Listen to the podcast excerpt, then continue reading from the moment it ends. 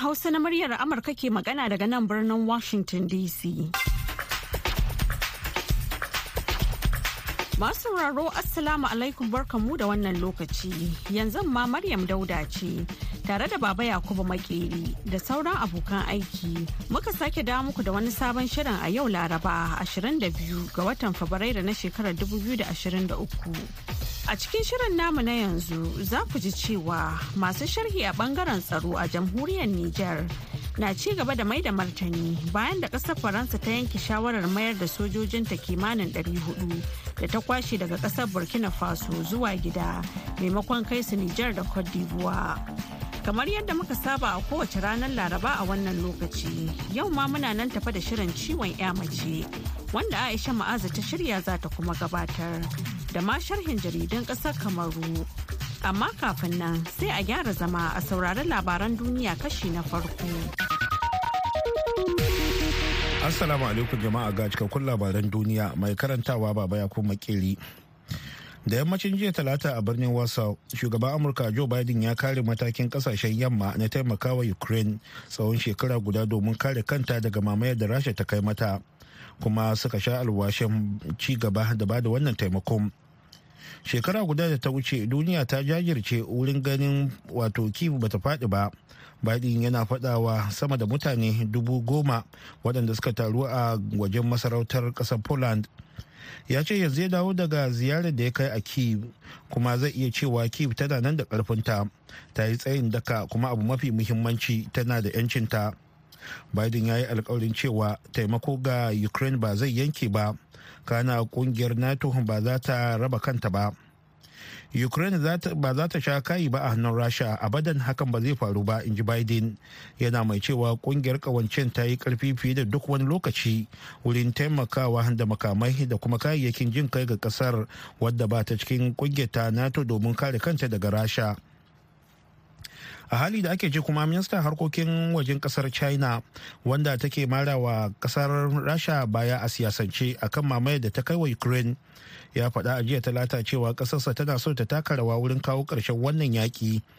Queen gan ya faɗa wa mahalarta wani taro a kan tsaro da aka yi a beijing cewa china ta damu da wannan yaƙi da ake yi kusan shekara guda ka iya ci gaba da yin muni kuma ya bazu har ma ba za a iya shawo kansa ba.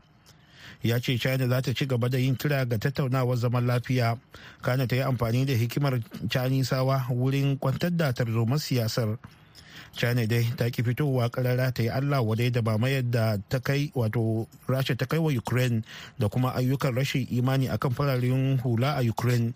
Kana ta caccaki wato takunkuman tattalin arziki da ƙasashen yamma suka dora wa moscow daga kausar murya a cikin wannan lokacin. A ƙoƙarin da china take yi na kare moscow har yanzu china bata iya ta fito ta kira wannan yaki da mamaya ba wanda rasha ta kai wa ukraine. Labaran na zuwa muku ne daga nan sashen hausa na murya amurka a birnin washington dc yayin da ƙasar turkiya ke ci gaba da alhini na mummunan bala'i da ya sanadiyar asarar rayuka da dama daga girgiza guda biyu da suka faru a lokaci ɗaya makonni biyu da suka shuɗe. An fara kiyasta abin da za a kashe wurin sake gina ƙasar da kuma batun asarar haraji na kan iyaka daga tattalin arziki mai tangal-tangal. Wata cibiyar hada-hada mai zaman kanta ta ƙasar turkiya ta kiyasta za a kashe sama da dala biliyan 80 wurin sake gine-gine a cewar rahotannin farko da cibiyar ta fitar kwanaki huɗu a kan girgizar. Bankin saka jari ta na morgan stanley a amurka ya kiyasta za a kashe kimanin dala biliyan 38 a kan gidaje yayin da cibiyar zuba jari a new york jp morgan ta ce za a kashe dala biliyan 25 wurin sake gina gidaje da abubuwan more rayuwa sai dai waɗannan alƙalluman ba su hada da rushewar tattalin arziki wanda bala'in ya haddasa a yankin inda kimanin mutane miliyan ɗaya da dubu ɗari uku da hamsin suke rayuwa kuma suke aiki wani harkokin tattalin arziki da ya kusan kashi goma na baki ɗayan tattalin arzikin ƙasar.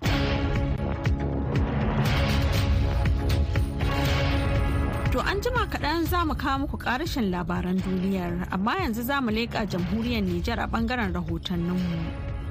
Masharhanta a fannin tsaro da jami'an fafutuka na ci gaba da bayyana matsayinsu bayan da ƙasar faransa ta yanke shawarar mayar da sojojin da ta kwashe daga burkina faso zuwa gida a maimakon sake girki sa ƙasashen nijar da cote d'ivoire kamar yadda aka ayyana a can farko wakilin muryar amurka suna mana barma ya aiko mana karin bayani daga yamai. Dakarun musamman na force special kimanin 400 ne ƙasar faransa ta girke a ƙasar burkina faso a matsayin wani ɓangare na matakan yaƙi da ta'addanci a yankin sahel. Sai dai rashin ganin wani bayyanannen sakamako ya sa gwamnatin rikon kwaryar burkina faso yanke shawarar kawo ƙarshen ayyukan waɗannan sojoji na rundunar sabur waɗanda da farko faransa ta yi shelar za ta zo da su niger da cote d'ivoire amma kuma ta canza ra'ayi. Mai sharhi a kan lamuran yau da kullum masaunin faransa sadiq abba na bin diddigin abubuwan da ke wakana a yankin sahel. Wannan sojojin nan wanda suka bar burkina faso sojoji na musamman ne. Su ne ake ɗoka kamar in za a kashe wasu manya-manyan mutane na jihada kamar drukdel kamar abu arna al saharawi manya-manyan mutanen nan su ne ake sa tare da su a kashe mutane. Kuma aka ɗauki kamar 'yan faransi aka ɗauke su otage su ne suke yin abu. Kaga to wannan duka kenan ba a ga aikin da za su yi ba in suka zo nijar da yake yanzu harkokin sun cakule tsakanin mali da faransa. Kaga in suna nijar ma ba su iya tahiya mali.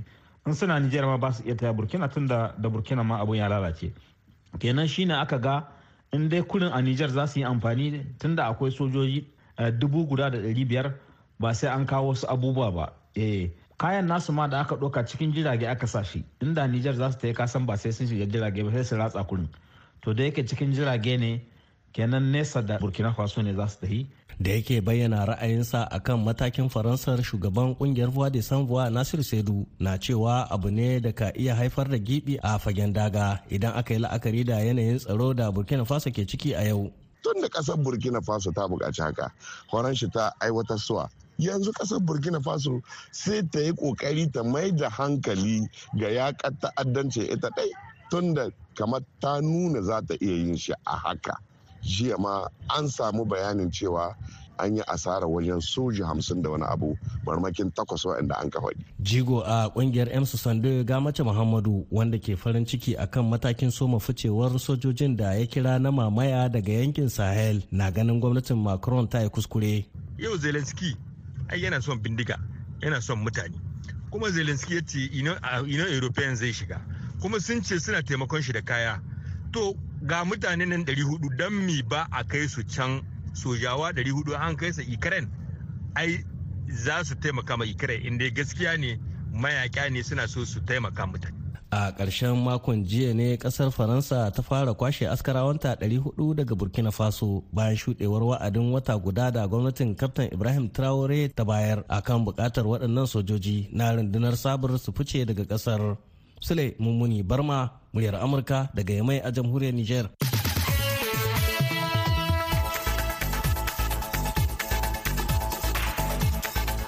a gaida sule mummuni barma da wannan rahoton To kuna sauraron shirye-shiryen ne daga nan sashen Hausa na muryar Amurka a birnin Washington DC.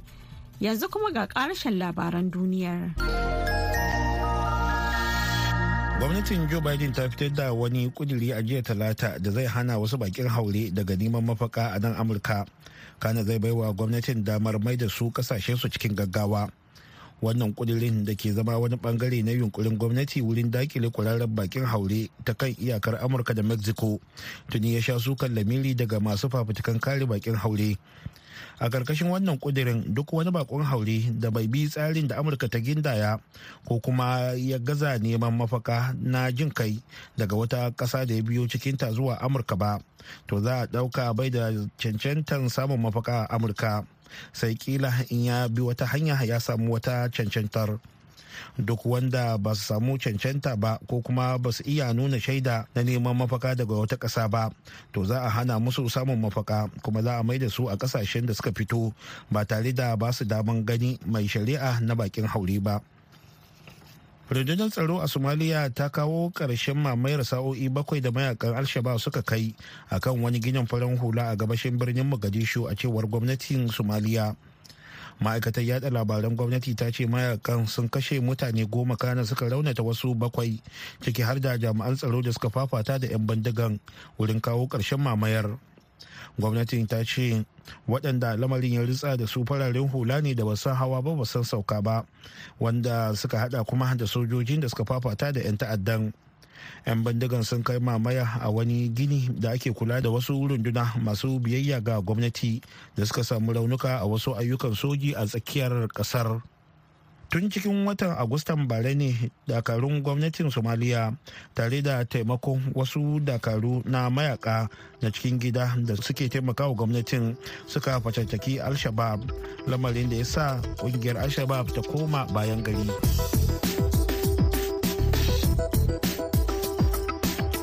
Labaran duniya kuka saurara daga nan sashen hausa na muryar amurka a birnin washington dc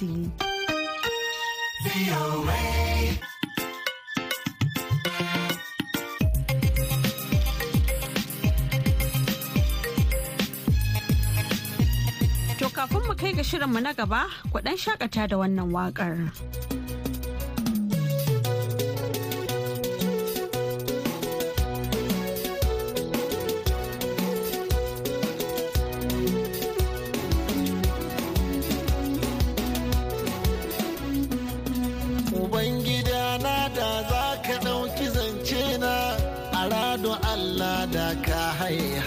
Hasashe na. gidana da za ka ɗauki zance na a Allah da ka hai hasashe na.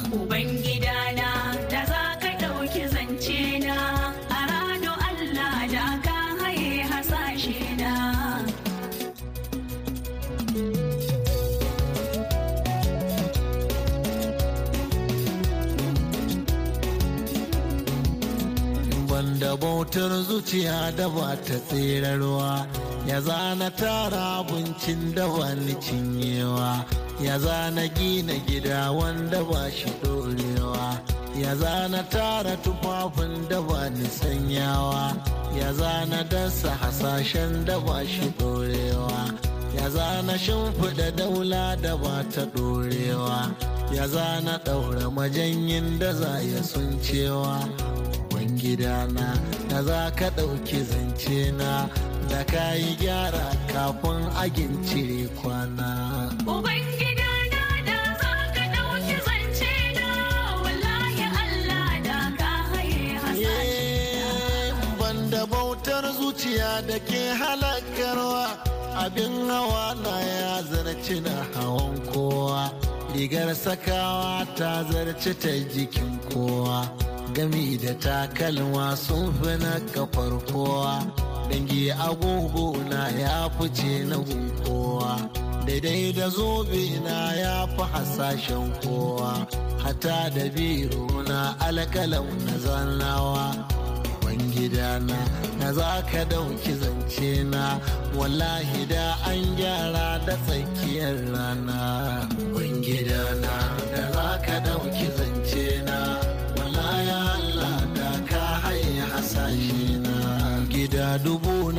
tanadin wajen kwana ciki da falo dubai daban-daban Har yanzu dai kuna sauraron shirye-shiryen ne daga nan sashen Hausa na muryar Amurka a birnin Washington DC a kan mitoci goma sha bakwai, ashirin da biyar da kuma sittin.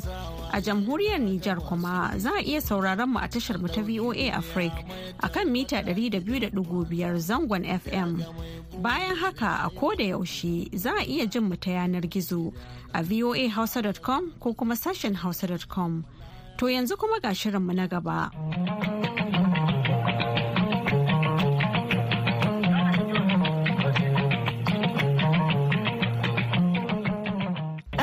Assalamu alaikum mai sauraro, barka da hantsin wannan rana, barka da kasancewa da ni Aisha Mu'azu a cikin shirin ciwon ya mace daga nan sashin Hausa na muryar Amurka.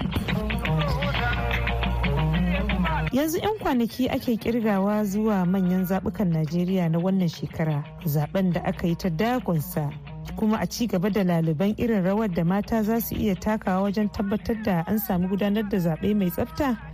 Yau shirin ya karɓi bakuncin hajiya maryam garba usman shugabar cibiyar da ke rajin samar da daidaito a al'umma wato center for democracy and gender inclusion kuma jagorar gangamin vote not fight. Sai hajiya amina muhammad da kuma wata matashiya aisha ɗanlami domin tattauna maudu'in namu na yau. Na kuma fara da yi wa hajiya maryam tambaya ne a game da makasudin wannan gangami na vote not fight. Ai sauraro lafiya. To alhamdulillah not zan abu ne na jiha guda ɗaya ba. Abu ne na ƙasa ga baki national movement ne. Amma ni nake coordinating Kano state. So dalilin da ya sa aka fito vote not fight za ki ga slogan din ana cewa zaɓe ba faɗa ba ne. Kira ne da ake yi wa al'umma. Zaɓe za su yi ba rigima ba hayaniya ba zubar da jini cikin lumana kamar yadda ake sa rai za a yi. To kike kallon zaɓen na bana duba ga irin matsaloli da al'umma take fuskanta? To alhamdulillah zaɓen bana zai zo da ƙalubale kala-kala wanda suna ɗaya daga cikin kalubalen da za su kawo kamar tsaiko a zaɓe ba lalle ta hannun hukumar da take a wata zaɓe ba amma ta hannun mutanen da su za su je su dangwala. In kin duba yanayin yadda ƙasar mu take zaɓen ƙasar mu dole sai a inda kai rajista. Kuma da yawa daga cikin mutanen mu za ki ga ba a gari suke ba zuwa suke yi domin zaɓe. So kuma ga wannan matsaloli da suka faru na rashin mai rashin kuɗi a hannu zai iya kawo cikas ga wanda za su taso daga jihohin da suke aiki zuwa inda za su yi zaɓe. Da ɗaya kenan. Na biyu su kansu wanda za su yi zaɓe wanda suke ma a jihohin su ko a wurin da akwatunan su suke. Wannan yanayi ya taɓa su da har suke ganin ba shi da amfani su yunkurin zuwa wurin zaɓe ko kawo wani canji da za su yi. So wannan ƙalubale ne babba inda har kullum kiran da muke wa al'umma kada ya zama mana shine dalilin da zai sa wannan dama da muka samu ta kubce mana. Ma'ana damar da za mu zaɓi shugabannin da za su jagorance mu na tsawon shekara huɗu so idan ɗan tsaiko da damuwan da muke ciki wanda a kwanaki ko a watanni za su iya wucewa kada ya kawo cewa ba za mu iya zuwa mu yi zaɓe ba. Zaɓi shugabannin da muke ganin su za su mana adalci za su kawo ci gaba. So wannan shine kiran da muke yi ga al'umma wanda na san da wuya kuma dole sai an daure an sa ƙasar da ci gaba a gaba kamun mutane su yi overcoming wannan damuwar. To Aisha kin taɓa yin zaɓe? Gaskiya ban taɓa yi ba. Yaya kike ji yanzu da za ki zaɓe kuma me kike fata a wurin wannan zaɓe na bana? Tunda ban taɓa yi ba na ji a raina ina son na yi saboda ni ma a dama da ni wajen ganin an zaɓi shugaba na gari. Kuma a gani na wannan zaɓen da za mu yi gari dai mu yawa ya so mun san wanda za mu zaɓa kuma wanda ya dace da mu. Ina ganin insha Allah za mu yi ƙoƙarin mu a kai. Ba wai na ce ki faɗa min wani ne ɗan takarar ki ba. Menene ake duba wajen zaɓen shugaba na gari? Eh to duk da shugabannin mu duka suna ƙoƙari za ka yi la'akari da abin da ba ku samu ba a baya sai ku ga waye zai daɗa ɗaukaka ko ya ɗauka ƙasar ku ya duba abin da ya dace da ku zai fara duba ku kafin ya duba nashi uzurin abin da za ku duba kenan wanda zai dube ku. Na dawo gare ki Hajja Amina. Yaya kike kallon wannan zaɓe na dubu biyu da ashirin da uku? Mu dai ga munan dai masha Allah zaɓe kamar Allah ya dan insha Allah inda dai ake fargaba ana gani kamar zaɓe zai zo da tashin hankali da hayaniya amma mu dai muna addu'an Allah ya da ko da yake ana cikin wani hali na tashin hankali ga yunwa ga wahalan mai ga rashin abinci ga rashin kuɗi a hannu. Amma Allah ya da za a yi zaɓe lafiya lau. Me yake baki wannan kwakwarar yaƙinin cewar zaɓe zai tafi lafiya? Alhamdulillah tunda yanzu mutanen mu duk kowa ya waye yanzu kowa idanunsa ya waye yanzu kowa yana neman yanci kansa muna neman yanci mu samu zaman lafiya. Da ba mu waye ba za ka zo ba shiga gida gida ana ba mata sabulu dan naira ishirin naira goma a ce ka zabi wanda bai cancanta ba. Kana ji kana gani ga abin da ya kamata ka zaba ba za ka zaba ba. Don saboda tsaban kwaɗayi za za yaudare ka baka ashirin goma da dan sabulu a ce ka zabi wane. Idan ya hau insha Allah wanda zai maka zai fi wannan. Alhali kuma suna hawa babin da za su yi muku sai da su manta da lamarin ku. Sai lokaci ya yi su sake zagayowa. Hajiya Maryam gare ki. Kasancewar jihar Kano na daga cikin jihohin da a duk lokacin da aka ce lokacin zaɓe ya kunno kai ake mai da hankali kan jihar domin irin tarihin da ake da shi a baya. Yaya al'amarin ya kasance wannan lokaci kuma kasancewar ke kike jagorantar wannan shiri a jihar Kano wani irin tarba mutane suke muku kuma yaya mutane suke karɓan sakonnin da kuke kai musu. In kin duba farkon sanda aka fara harkar siyasa kamfen gadan-gadan da ya faru za ki ga cewa muna ta farin ciki komai ya zo da tsafta saboda dokar zaɓe da aka gyara ta da ashirin da biyu ta haramta abubuwa da dama na tashin hankali a wurin yaƙin neman zaɓe. Amma da zaɓen ya zo ga dangadan a satin nan zaki ga akwai damuwa da yawa da yake faruwa musamman a cikin ƙwaryar birni inda zaki ga korafe-korafe na tashin hankali ko na tsoron ma abin zai faru. Ko da ganin mutanen da kake tunanin za su iya kawo tashin hankali ka gansu a unguwannin da kake za ki ga ya kawo tashin hankali da dama. Gare ki Aisha, akwai wani ma'auni da ya kamata matasa ko kuma al'umma su yi amfani da shi wajen zaɓen shugaba na gari? Akwai su gaskiya saboda yanzu za ki ga wani zai fito sai a ce ba shi da kuɗi ba za a zaɓe shi ba. Alhalin kuɗi gwamnati ke rezin kuɗi. Wata gwamnati ke samar da kuɗi? Eh gwamnati ke samar da kuɗi mutum da za a zaɓa ba shi zai amfani da kuɗi daga aljihunsa ba. Amma mu kuma yanzu sai muke ga idan mutum ya fito in ba shi da ƙaurin suna ba za a zaɓe shi ba. Alhalin wannan ƙaurin sunan ƙarshe da muke bi shine gaba ɗaya za mu faɗa rami. Idan mutum ya fito a duba a yi addu'a Allah ya mana zaɓin alkhairi mu zaɓi wanda ya dace ba wai mu ringa bin kuɗi ba. Akwai abin da ake cewa bangar siyasa wanda yawanci matasa ake amfani da su maza da mata kuma duka. Wace irin nazari ya kamata a ce matasa musamman a wannan zaɓe sun yi domin tabbatar da cewa sun ƙaurace wa bangar siyasa? A gani na kada matasa su bi son zuciya saboda a garin bin son zuciya za ki ga wasu sun faɗa ma halin da ba shi ba ne wasu sun ji raunuka wasu sun rasa rayukansu alhalin idan mutum so yake yi ya yi kamfen akwai hanyoyi da yawa da zai nuna muku cewa shine shugaban da ya dace da ku ba sai ya tura ku kun yi abubuwan da za ku ɗaga wa kanku hankali sannan ku ɗaga wa mutane hankali ba. Hajiya Amina, kina gani za a fasa yin wannan? a yanayin da yanzu aka ɗauka insha Allahu zaɓe son ranka zaka zaba saboda yanzu ba mu kuɗin mabalance wani har zai kokare shi zai kai ba kuɗi ya baka cin hanci ya ce gashi nan gaba dan an hau za a muku abin da yafi wannan. Sun waye yanzu ba wanda zai da wannan. To misali yanzu idan a ce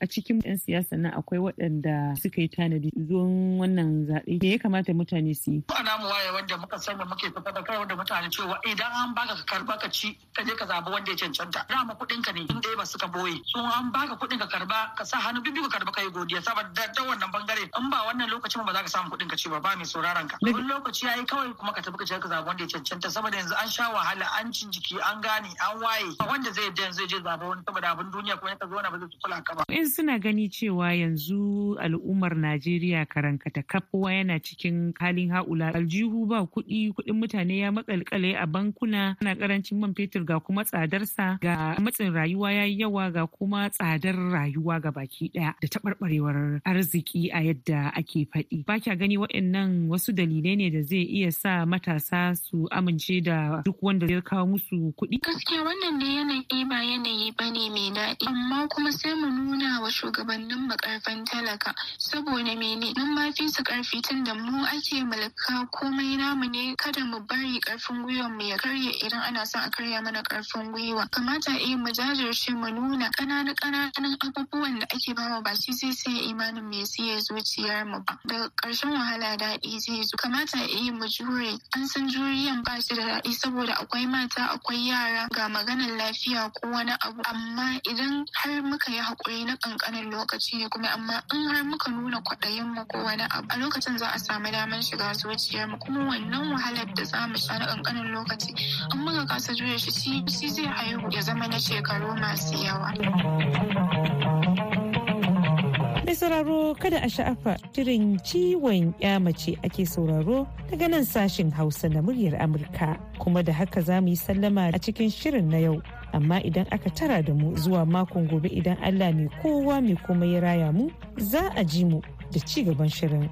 Yanzu a madadin ma'aikatan sashin Hausa na muryar Amurka. da bakin namu sai wanda ya daidaita mana sauti solomon abu ni aisha mu'azu nake cewa mu wuni lafiya To madalla a gaida Aisha Ma'azu. Yanzu kuma ga sharhin jaridan ƙasar Kamaru.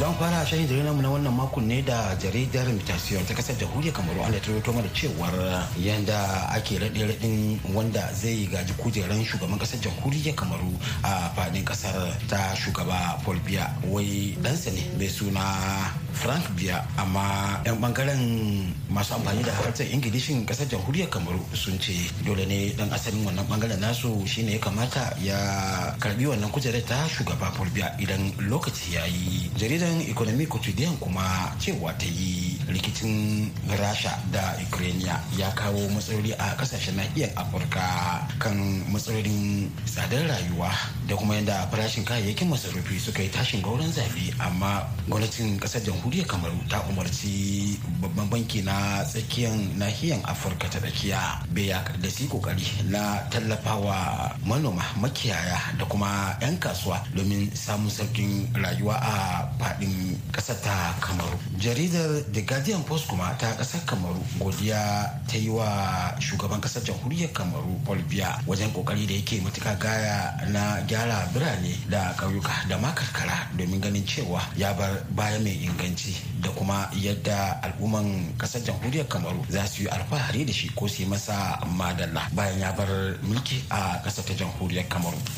Jaridar te kuma ta ƙasar jamhuriyar kamaru ita kuma cewa ta yi ministan lafiya na ƙasar kamaru musa maluda malashi yana ƙoƙari na ganin cewa ya tantance likitoci masu nagarta a faɗin ƙasar ya kuma tsince bara gurbi wanda su na hoge ne a cikin gudanar da ayyuka da suke yi musamman ta ɓangaren lafiya a ƙasar. Ya ce dole ne kafin wani lokaci aka cewar ƙasar kamaru tana da likitoci nagari da kuma nagarta a faɗin ƙasar baki ɗaya sai kuma jaridan generation kuma ta yaba hukumar sufuri na ƙasar jamhuriyar kamaru anda suka fara aiki da waɗansu na'ura na zamani wajen biyan haraji na kan hanyoyi. Na'urar da ita ce take buɗe wa al'umma hanya ko direbobi idan sun zuba mata kuɗin da ta tambaya idan kuma baka biya ba. Wani na'urar? Ba za ta ba wa direba masu tuka motoci hanyoyi domin wucewa ba. Ya zire waɗannan na'urar sun fara aiki a faɗin ƙasar kamaru baki ɗaya. Sun yi haka ne ba don komai ba domin daƙile cin hanci da karɓar rashawa da kuma almundahana da kuɗaɗen gwamnatin ƙasar ta jamhuriyar kamaru. Za mu kammala shahin jaridar namu na wannan makon ne dai da jaridar da mai saje ta ƙasar jamhuriyar kamaru an da ita kuma. Sharhi ta yi kan yadda shugaban ƙasar kamaru mustabiya ya umarci da ƙasa ko tsohon ministan ruwa da ƙarfin wutar lantarki na ƙasar jamhuriyar kamaru musa a tangana kuna bayan ya kwashe shekaru shida a gidan gyara halinka yayin da ake zargin sa da da ciki akan waɗansu makudan kuɗaɗe. Tsohon ministan da ya arce ne kuma aka kamo shi a birnin baucin ƙasar tarayyar najeriya. Aka dawo da shi ƙasar ta kamaru kuma ya ci gaba da zama a gidan yari. Amma a halin yanzu dai ya biya kuɗaɗen da ake bin sa. Shine shugaba biya ya ce a sake shi ya je ya zauna da iyalansa a garin su Muhammad Awal Garba muryar Amurka daga ƙasar Kamaru. A gaida Muhammad Awal Garba. To yanzu kuma ga labaran duniya amma wannan karan a taƙaice. To mu a taƙaice da yammacin jiya talata a birnin Warsaw, shugaban Amurka Joe Biden ya kare matakin ƙasashen yamma na taimakawa Ukraine tsawon shekara guda domin kare kanta daga mamayar da Rasha ta kai mata. Kana suka sha alwashin ba za su daina ba da wannan taimakon ba. Shekara guda da ta wuce duniya ta jajirce don ganin cewa Kiev bata faɗi ba. Biden yana faɗa wa mutane sama da dubu goma da suka taru a wajen masarautar ƙasar Poland. A hali da ake ji kuma ministan harkokin wajen ƙasar china wanda take mara wa rasha baya a siyasance akan mamayar da ta kai wa ukraine ya faɗa a jiya talata cewa ƙasarsa tana so ta taka rawa wurin kawo ƙarshen wannan yaƙi. Queen gan ya faɗa wa mahalartan wani taro akan tsaro da aka gudanar a beijing cewa china ta damu da wannan yaki na kusan shekara guda ka iya ci gaba da yin muni kuma zai bazu har ma ba za iya magance shi ba. Yayin da ƙasar turkiya take ci gaba da alhini na mummunan bala'in da ya sanadin asarar rayuka da dama daga girgizan kasa guda biyu a lokaci guda makonni biyu da suka shuɗe. An fara kiyasta abin da za a kashe wurin sake gina ƙasar da kuma batun asarar haraji na kan iyaka daga tattalin arziki mai tangal-tangal. Wata cibiyar hada-hada mai zaman kanta ta ƙasar turkiya ta kiyasta za a kashe sama da dala biliyan 80 wurin sake gine-gine a cewar rahotannin farko da cibiyar ta fitar kwanaki huɗu a kan girgizar. To masu sauraro iyakacin abin da ya sawwaka kenan a shirinmu na yanzu sai kuma can an jima da rana za ku ji abokan aiki madauke da wani sabon shirin. A madadin Baba Yakubu Makeri da ya taya na gabatar da shirin da Solomon Abu wanda ya haɗa shirin da kuma ba da umarni da ma injiniyan mu na yau. Ni Maryam Dauda ke cewa ku huta lafiya.